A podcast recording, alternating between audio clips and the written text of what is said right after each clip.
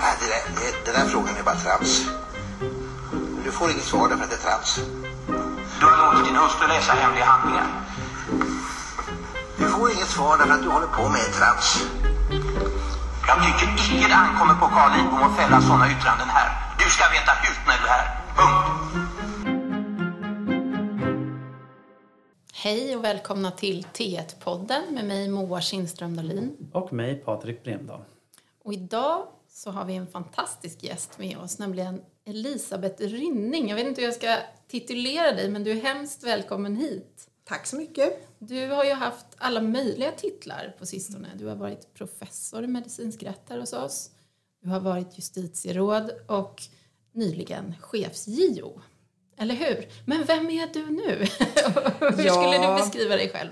Nu är ju jag en, fortfarande som jag har varit kanske hela mitt yrkesliv, en svensk jurist med intresse för förhållandet mellan enskilda människor och det allmänna. De intresseavvägningar som man måste ägna sig åt där.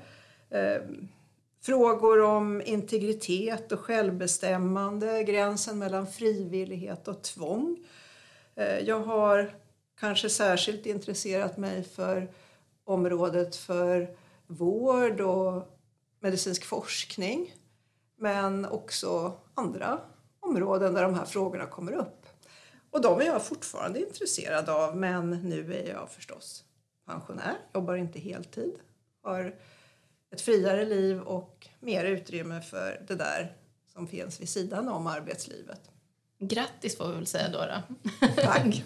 Det verkar ju också eftersträvansvärt i ens liv och komma dit. Men vad skulle du säga har varit roligast då med alla dina olika uppdrag? Jag tycker det är svårt att säga att ett visst uppdrag har varit roligast. För det är ju som med alla arbeten att, att de har sina olika eh, företräden och, och alltså att det är saker som är jätte, jätteroligt i ett visst jobb och sen är det andra saker där ett annat arbete kanske är lite roligare på marginalen. Om man tar arbetet som justitieråd, där är det ju väldigt roligt att man får möjlighet att vara med och påverka rättsutvecklingen på ett väldigt påtagligt sätt. Och när man sitter i de här fem sitsarna i de uppsläppta målen och där sitter, sitter man med erfarna och kunniga kollegor. Alla är pålästa. Man har en knepig rättsfråga som inte har något uppenbart svar. Och så är man ett antal personer som är väldigt angelägna om att det här ska vi kunna lösa på något sätt. Och så anstränger man sig tillsammans och så hittar man någon slags lösning som förhoppningsvis då alla är eniga om. Eller också är det några som tycker annorlunda och skriver sig skiljaktiga. Det här är jätte, jätteroligt. Det är ju som ett superseminarium. Alltså det, det är svårslaget, just den delen. Men sen kan man ju säga att som forskare då har man ju friheten att själv mera välja vilka frågor ska jag titta på, bara man kan få finansiering till forskningen. Man kan liksom styra inriktningen själv. Man är lite friare i vad man ska uttala sig om. Man kan få genomslag i rättstillämpningen men det är ju inte riktigt samma sak som ett prejudikatsavgörande. Men man har också mycket friare kontakter, i alla fall hade jag det, mera eh, många eh, internationella och nordiska samarbetsprojekt på ett annat sätt än vad man har i en lite mer sluten värld i en prejudikatsdomstol. Och där man kunde inspireras av både företrädare för andra discipliner och kollegor från andra länder och få nya infallsvinklar på de frågor som man tittar på. Det är ju jätteroligt. Och sen som JO då, ja då, då har man återigen mer kontakt med verkligheten eller vad man ska säga livet utanför än vad man har i en domstol, åtminstone i en prejudikatsdomstol. Då är man ute hos myndigheter, man träffar företrädare för myndigheter, man får brev från enskilda, Eh, man har kontakter med ombudsmän i andra länder och funderar över hur arbetar ni och vilka frågor ser ni nu som kommer upp. Och man har ju ett utav måste jag säga, i ett demokratiskt samhälle ett av de mest hedersamma uppdragen att, att företräda medborgarnas intressen gentemot myndigheterna på riksdagens uppdrag. Det är jätteroligt. Mm, och jätteviktigt. Jätteviktigt. Mm.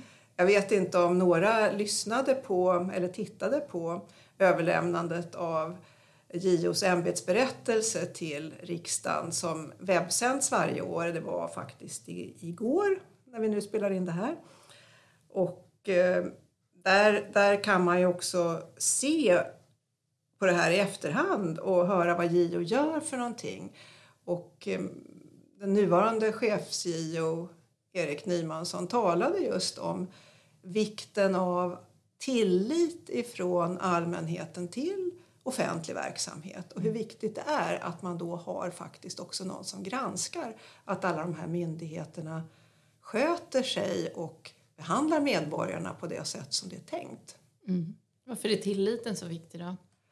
Ja, men om vi förlorar tilliten då, och respekten för myndigheterna då blir, ja, då, då blir det större risk för att, att eh, människor inte känner sig trygga och att eh, det här samhällskontraktet som vi har, att vi faktiskt eh, väljer de som stiftar våra lagar och därigenom på något sätt också tänker oss att vi ska följa de lagarna.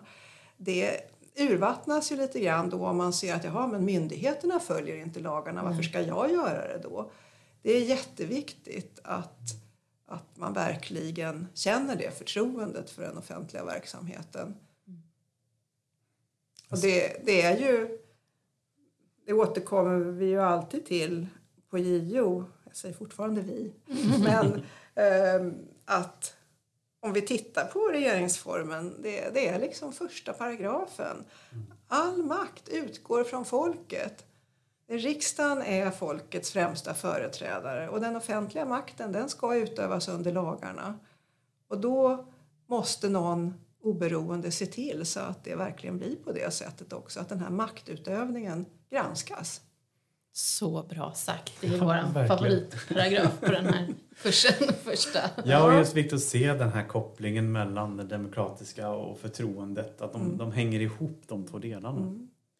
Men du har kommit in här på din, eh, din roll som JO här. Och hur skulle du, om du skulle beskriva vad JO har för, för uppdrag, vad JOs roll är, hur skulle du beskriva det?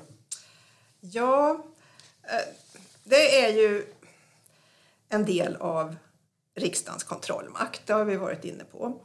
Eh, och det konstitutionella skyddet då för den enskildes grundläggande fri och rättigheter. Eh, ombudsmännen har i uppdrag att... Det övergripande syftet är ju att främja rättssäkerheten. Och då ska ombudsmännen granska att domstolar och andra myndigheter eh, i sin handläggning av ärenden och även i övrigt följer lagar och andra författningar, att de behandlar medborgarna korrekt, att de lever upp till regeringsformens krav på saklighet och opartiskhet och att enskildas grundläggande fri och rättigheter inte kränks i den offentliga verksamheten. Det här ska då om, de fyra ombudsmännen vaka över. Det är ett ganska stort uppdrag kan man säga. Och det, därför är det ju väldigt viktigt att komma ihåg att JO är eh, en extraordinär tillsynsfunktion. Ombudsmännen ska ju inte ersätta alla andra myndigheter, domstolar och andra tillsynsmyndigheter. Om den enskilde är missnöjd med ett visst beslut då ska man ju som regel kunna överklaga det och inte förvänta sig att JO ska kunna göra någonting åt det. JO kan inte ändra några beslut eller säga åt en myndighet att nu får du ge Persson det här som han har begärt utan, eller nu får det bli skadestånd. Det är inte JOs funktion utan det blir ju ett ganska stort fokus på handläggningen och processen men också eh, kontroll av att, att grundläggande rättigheter inte kränks på så sätt att att myndigheterna till exempel eh, tar till eh, frihetsinskränkningar eller annat tvång som det inte finns lagstöd för. det är ju också någonting som JO tittar på. Har, har allmänheten, tycker du, koll på JOs roll? Eller finns det en förväntan på dem som JO-anmäler att JO ska komma till deras hjälp och ge dem rätt? Jag tror att där är en ständig utmaning, en pedagogisk utmaning som JO har. Att förklara vad JO inte gör och vad, vad det är som JO kan göra. Men också det faktum att numera så får de fyra ombudsmännen in ungefär 10 000 anmälningar per år. Och det är ju bara ombudsmännen som gör uttalanden och, och riktar kritik och så vidare.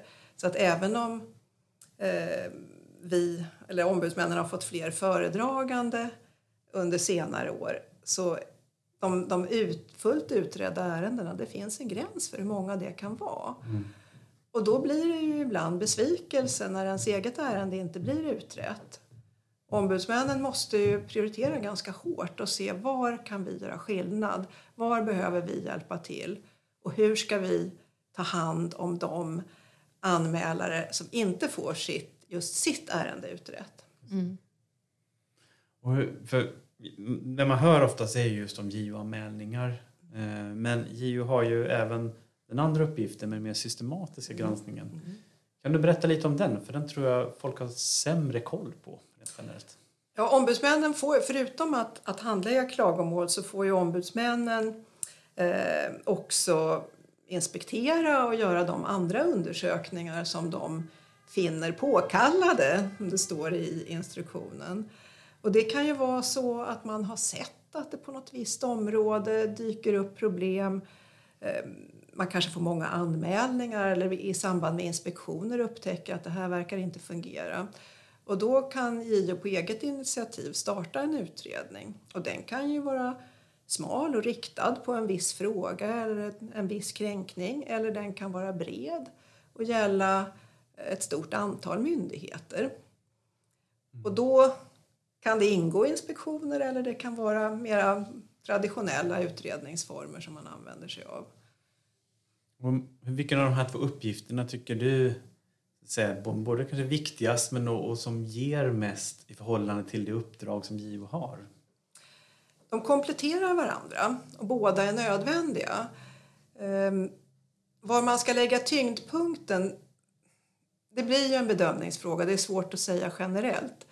Konstitutionsutskottet har ju ofta framhållit att eh, enligt deras uppfattning så är klagomålshanteringen den, den uppgift som ska prioriteras. Men från JOs sida så har, har man ju ofta framhållit vikten av att faktiskt göra inspektioner och eh, ta initiativ därför att i synnerhet vid inspektionerna så dels så får ju ombudsmännen och deras medarbetare en inblick i verksamheterna ute på fältet som man inte riktigt kan få. Eh, genom klagomålen. Man får förståelse för vilka villkor myndigheterna har man upptäcker saker som aldrig skulle upptäckas annars. Mm. Men också att man visar upp sig och kan föra en dialog med myndigheterna. Det finns många skäl till varför det är ett jätteviktigt komplement. Men inte minst på området för, alltså där det gäller personer som eh, kanske inte själva har så lätt att föra sin talan. Om vi talar om psykiatrin eller eh, migration i, i förvaren, Migrationsverkets förvar och så vidare så är det ju saker som upptäcks vid inspektioner som inte skulle ha upptäckts kanske annars. Mm. Och det där leder ju lite grann över i vår nästa fråga, nämligen den, en lite speciellt uppdrag som JO har, nämligen enheten. Vad är mm. det för någonting? OPCAT, det står ju för det engelska namnet på eh, tilläggs, ett tilläggsprotokoll till FNs antitortyrkonvention, Optional Protocol eh, to the Convention Against Torture.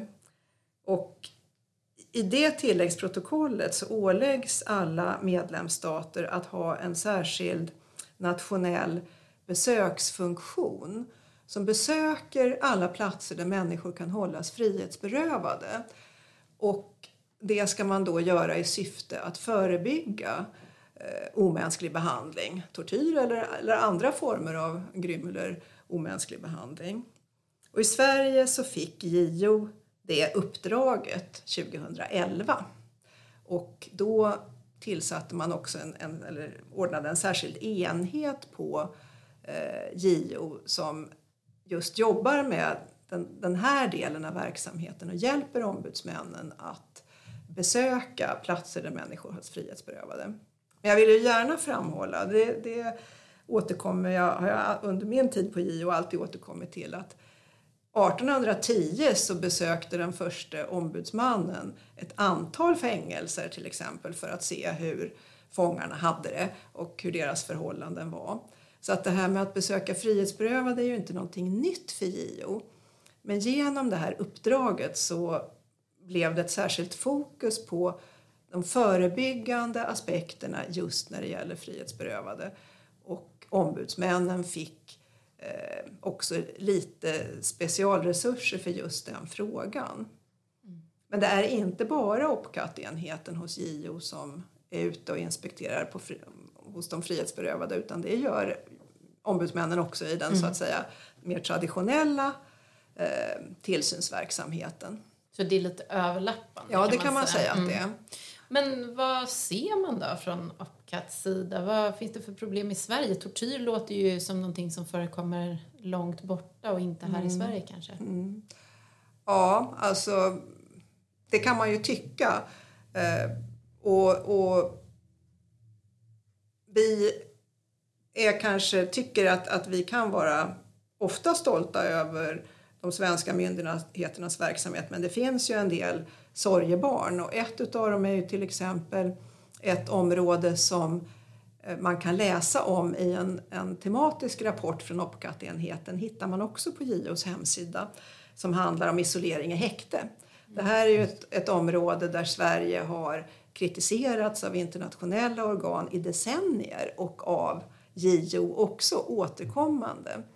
Eh, och där är det ju så att om personer som sitter frihetsberövade inte får mänsklig kontakt under minst två, alltså under mer än två timmar per dygn då betraktas de som isolerade. Och då menar jag inte bara att de är avskilda från andra utan att de riskerar att drabbas av fysiska och psykiska hälsoproblem på grund av att de inte får meningsfull mänsklig kontakt. Så man kan säga att även om man på grund av kanske ett beslut av en åklagare av utredningsskäl inte får umgås med de andra intagna på häktet så måste då kriminalvården se till att man på andra sätt får tillräckligt med mänsklig kontakt. Och det här har Sverige varit väldigt, väldigt dåliga på.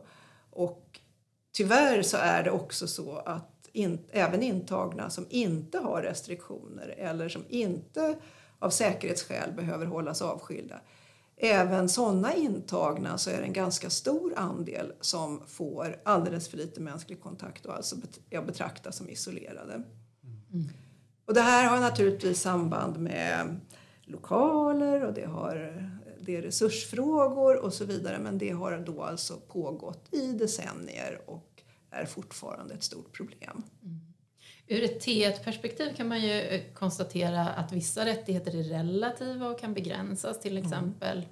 skyddet mot frihetsberövanden, men just tortyrförbudet är ju en absolut mm. rättighet som mm. alltid mm. ska skyddas under alla förutsättningar. Så det är ju jättebra att ni sysslar med det här. Själv funderar jag på det här med att ja, det är ett, ett protokoll eh, som är tillägg till en konvention, en internationell konvention från mm. FN som ju inte gäller som svensk lag som till exempel barnkonventionen och Europakonventionen.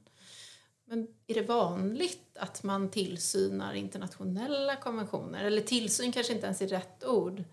Eh, den här svenska eh, myndigheternas, ja men vi använder kontroll bara lite mm. slarvigt då, mm. av en internationell konvention. Förekommer det i övrigt?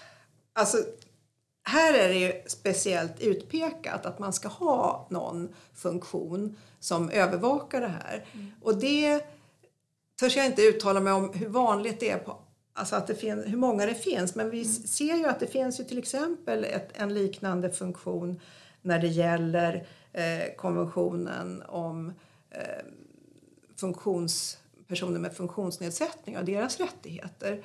Och den funktionen ska då Eh, det nya institutet för mänskliga rättigheter få att, att, att vara en sån här, eh, ha, ha en särskild uppgift i det avseendet.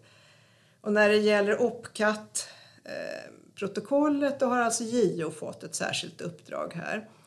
Men samtidigt så kan man ju säga att även i andra sammanhang när en tillsynsmyndighet tittar på eh, verksamheten vid en svensk myndighet så kan ju faktiskt internationella åligganden komma med i bilden när man ser eh, hur, hur lever den här verksamheten upp till eh, olika krav som vi faktiskt har underkastat oss i internationella åtaganden.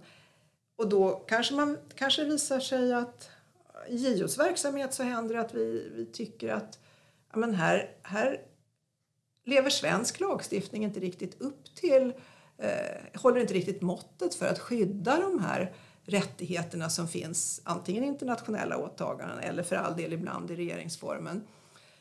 Och att man ibland kan direkt säga att det här verkar inte vara förenligt med den och den konventionen.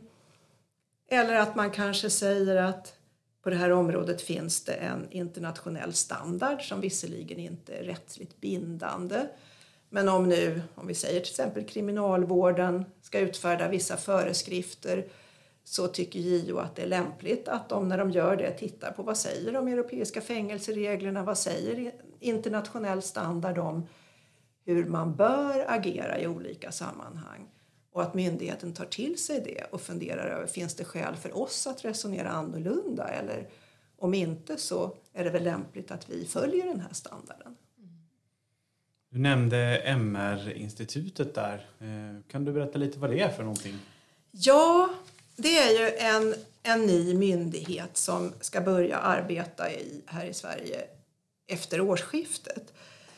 Och eh, Sverige har ju ganska länge diskuterat om vi har behov av att ha en, en särskild MR-myndighet. Mm. Det finns ju redan flera olika myndigheter som tillvaratar mänskliga rättigheter på olika sätt. JO bland annat då i, mm. i, i, sin granskning, Diskrimineringsombudsmannen och så vidare. Och det finns flera. Men efter moget övervägande så har man ändå kommit fram till eh, i Sveriges regering och riksdag att vi ska ha en sån myndighet. Och eh, den ska ju då för att tillgodose Eh, de så kallade Parisprinciperna som man talar om när det gäller mäns mänskliga rättighetsinstitutioner eh, internationellt sett så ska den, måste den vara oberoende, bland annat då av regeringen. Och det här har man slitit ganska mycket med hur man ska få till det. Nu är det ändå en myndighet under regeringen men där man har försökt att ordna det så att den ska bli så, så självständig och oberoende som möjligt. Vi får väl se hur det här kommer att uppfattas internationellt. Mm. Men i vart fall så en del av det här oberoendet är att ehm, mycket av verksamhetens inriktning och närmare organisation ska bestämmas av myndighetens styrelse. Eh, och där, och jag då, ja, jag, jag har blivit utsedd att vara en av dem som ska sitta i den styrelsen. Och styrelsen anställer bland annat då den direktör som ska vara myndighetschef. Men det man kan säga om, om vad, vad myndigheten ska göra och det som står i lagen det är ju att det här institutet ska på ett mer övergripande plan då främja säkerställandet av de mänskliga rättigheterna i Sverige. Och det ska ske med utgångspunkt dels i eh, svenska grundlagarna men också i, med utgångspunkt i, i EKMR och eh, EU-stadgan om, om grundläggande rättigheter och också andra eh, folkrättsligt bindande förpliktelser på det här området. Och vad ska då den här institutionen göra, eller mm. institutet göra? Ja, enligt lagen så ska institutet särskilt följa, undersöka och rapportera om hur de mänskliga rättigheterna respekteras och förverkligas. Institutet ska lämna förslag till regeringen om åtgärder som kan behövas för att säkerställa de mänskliga rättigheterna. Och institutet ska också ha kontakter med internationella organisationer och, och delta i internationellt samarbete. Och så ska man främja, inte själv nödvändigtvis genomföra, men främja utbildning, forskning, kompetensutveckling, information och ökad medvetenhet om de mänskliga rättigheterna. Och så ska eh, institutet då också fullgöra de uppgifter som en, en sån här oberoende nationell mekanism enligt eh, konventionen om rättigheter för personer med funktionsnedsättningar ska ha. Hur, um, hur motiverade man att man la myndigheten under regeringen istället för riksdagen? Det utreddes ju om man inte skulle kunna lägga den, få in den under riksdagen på något sätt. Mm. Och bland annat så utreddes det om den skulle kunna ligga på JO. Det finns det i en hel del länder faktiskt så att ombudsmannainstitutionen har den här funktionen. Mm. Um, från JOs sida så eh, såg nog både jag som då, då var myndighetschef och de andra ombudsmännen att det här var inte alldeles enkelt att få till på ett sätt som skulle låta sig förenas på, på ett bra sätt med JOs eh, huvudsakliga uppdrag. Och konstitutionsutskottet stannade också för att det inte var en lämplig ordning att, att JO skulle ha det.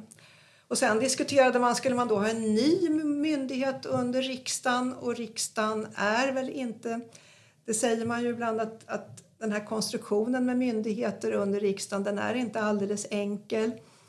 Och eh, man stannade för att det då inte skulle vara en ny myndighet under riksdagen heller utan att man skulle försöka hitta andra vägar att garantera det här oberoendet. Mm. Och om det då har lyckats eller inte det återstår väl egentligen kanske att se. Mm. Ja, verkligen. Hur mycket kommer regeringen kunna påverka den här institutionen? Det är väl det vi tycker är spännande här som mm. är intresserade av styrningsfrågor, eller hur? Ja, precis. Och jag som tidigare tittat på Riksrevisionen mm. Eh, och turerna som var med Riksrevisionsverket som ju var motsvarande där internationella konventioner sa just att det skulle ligga som oberoende och hamnade under regeringen. Och fick göra om konstruktionen mm. till sist. Mm. Så får vi se om det blir samma utveckling den här gången. Mm.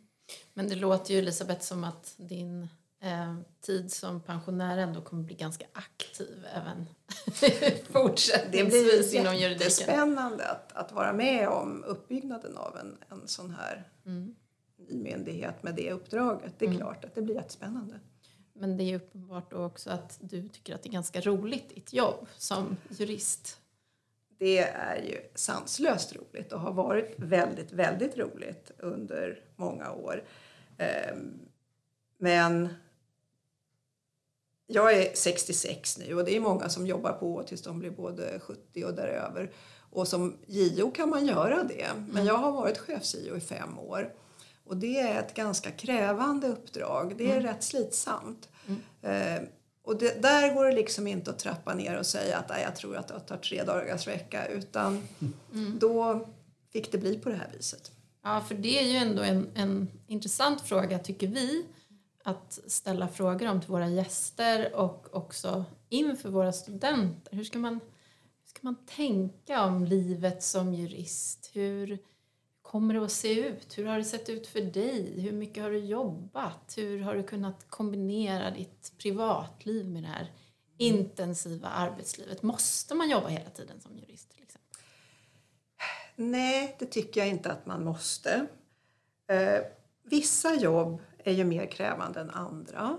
Mm. Eh, men om man anstränger sig så kan de flesta jurister som, som gör ett bra jobb och trivs med, med sitt arbete hitta olika man har ju förmånen att man kan arbeta med olika saker i olika perioder av livet. Mm. Eh, jag var till exempel under den tiden då jag hade småbarn, då var jag doktorand. Mm. Det var ett ganska fritt jobb. Och visst, eh, man fick ju jobba ordentligt även då men det var ändå lite friare arbetstider och man kunde välja lite mer.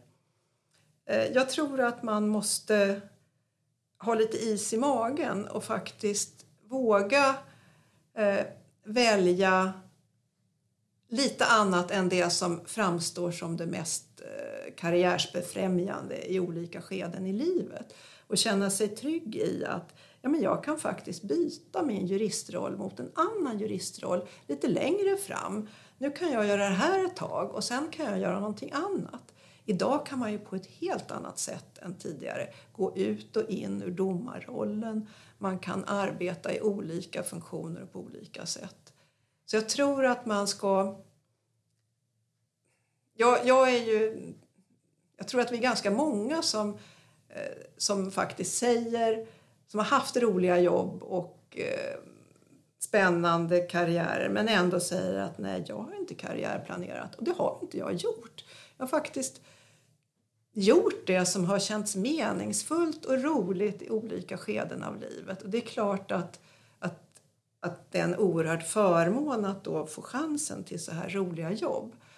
Men jag kan väl bara säga att det förutsätter inte en strikt karriärplanering där man tänker att ah, men nu måste jag nog göra det här för att om fem år då vill jag vara där. Mm. Utan att om man gör det som är meningsfullt och roligt så kan det faktiskt gå rätt bra det också. Det är jätteroligt att du säger det för jag tror att nästan alla våra gäster har uttryckt det på samma sätt som ändå har varit väldigt framgångsrika personer som har kommit enormt långt men kanske inte hade tänkt att de skulle hamna där de hamnade. Det är, det är jätteinspirerande tror jag att höra för studenterna också som nog tror att man måste planera som du säger. Har du något annat gott råd till studenterna på första terminen? Eller vi är ju faktiskt fler lyssnare längre fram på utbildningen också. Ja, att redan från början naturligtvis varva eh, ordentliga studier med livet utanför. Studietiden är ett fantastiskt tillfälle att lära känna vänner för livet och att bygga upp eh, intressen och göra roliga saker. Man måste jobba hårt med sina studier, absolut. Men det får inte vara det enda i livet. Det blir i så fall ett dåligt mönster för framtiden. Utan man måste klara båda och hitta en balans. Det kan man börja öva sig på redan som student. Så får man fortsätta öva. Mm. Sen får man fortsätta öva. Mm. Om du tänker eh, juristrollen och, och, eh, och samhällsdebatten. Vad har vi som jurister för roll att spela i, i samhällsdebatten? I politiska diskussioner eller i diskussioner kring olika fenomen i samhället? Jag tror jurister har en jätteviktig eh, roll i, i den allmänna debatten och att många av oss borde kanske vara lite mer aktiva än vad vi är. Men samtidigt så är det ju också beroende av vilken roll man just då har. Mm. Det är ju en sak att uttala sig som forskare eller ja, rättsvetenskapsmänniska och, och, och, säga att det borde vara så här och det borde inte vara så där. Är man domare eller eh, har andra roller i rättssystemet då måste man ju man kan också uttala sig då och komma, delta i debatten men då måste man vara mycket mer noggrann med och, och fundera över hur uppfattas det här? Hur kan det påverka förtroendet för den verksamhet som jag faktiskt representerar? Kan jag säga någonting i just den här frågan eller är det här ett område där jag bör avstå? Mm. Så det, det måste ju utövas med omdöme. Men jag tror att det finns väldigt mycket viktigt, inte minst eh, inom den offentliga rätten för mm. jurister att tillföra den allmänna diskussionen. Mm. Och det här med olika juristroller, på något sätt gränser för vad, mm. vilka frågor man ska inse, det blir ju det är väldigt många en yrkesetisk fråga. Ja. Ehm, och hur tyck, tycker du att det är någonting som... Om vi säger att vi har en person i en viss yrkesgrupp som går ut och uttalar sig om saker som kanske skadar tilltron till en myndighet eller till rättsväsendet eller till, till forskningen eller vad det kan vara. Mm. Borde det finnas då sanktionsmöjligheter eller är det så att säga en en smäll man får ta i förhållande till yttrandefriheten? Ja, alltså det där är ju jättesvårt i förhållande till yttrandefriheten. Alltså mm. Den frågan dyker ju upp även i andra yrkesgrupper. Det har till exempel varit uppe med läkare som går ut och, och uttalar sig om eh, lite fritt då om olika behandlingsmetoder som kanske deras kollegor lyfter väldigt på ögonbrynen åt och säger att men det här är väl inte vetenskap och beprövad erfarenhet. Mm. Nej, men det är yttrandefrihet och det handlar inte om behandlingen av en viss patient. Så det är ju känsliga frågor och mm.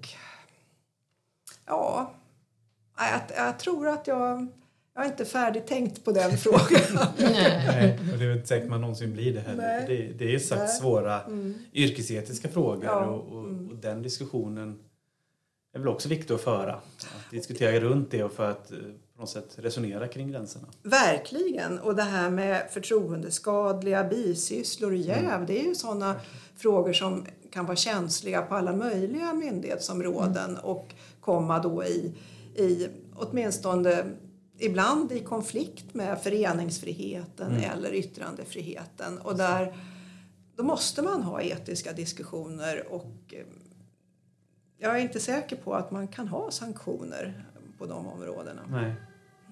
Jag skulle vilja ställa en, en angränsande fråga om det då. Eh, för du nämner det här med att man måste göra saker på ett omdömesgillt sätt och så. Vad, kan man säga att jurister behöver ha vissa egenskaper för att bli bra jurister utöver det vi kräver här att man ska vara noggrann och läsa och hitta de relevanta rättsfallen och applicera dem. Mm. Finns det andra egenskaper som vi kanske inte mäter så bra på utbildningen? Man kan ju säga att oavsett vilket juristroll man hamnar i eller väljer så tror jag att ett gott omdöme är ju någonting som är väldigt uppskattat eh, på alla håll och kanter. Och att ha en, en etisk eller moralisk kompass eh, både i hur man behandlar sina medarbetare, hur man behandlar klienter eller brukare eller medborgare och hur, vad man gör och inte gör som inte alltid nödvändigtvis handlar om gränsen mellan eh, brottsligt och inte brottsligt det tror jag att eh, är ägnat att stärka förtroendet för jurister oavsett var de finns. Och det, då är vi tillbaka till det här med förtroende och tillit mm. som är mm. jätteviktigt. Bra sätt att sluta cirkeln. sluta där vi började säga. Stort tack för att du ville komma och gästa oss här i podden och dela med dig av dina tankar. Tack så mycket. Eh, och stort tack till er som har lyssnat. Tack så mycket. Tack.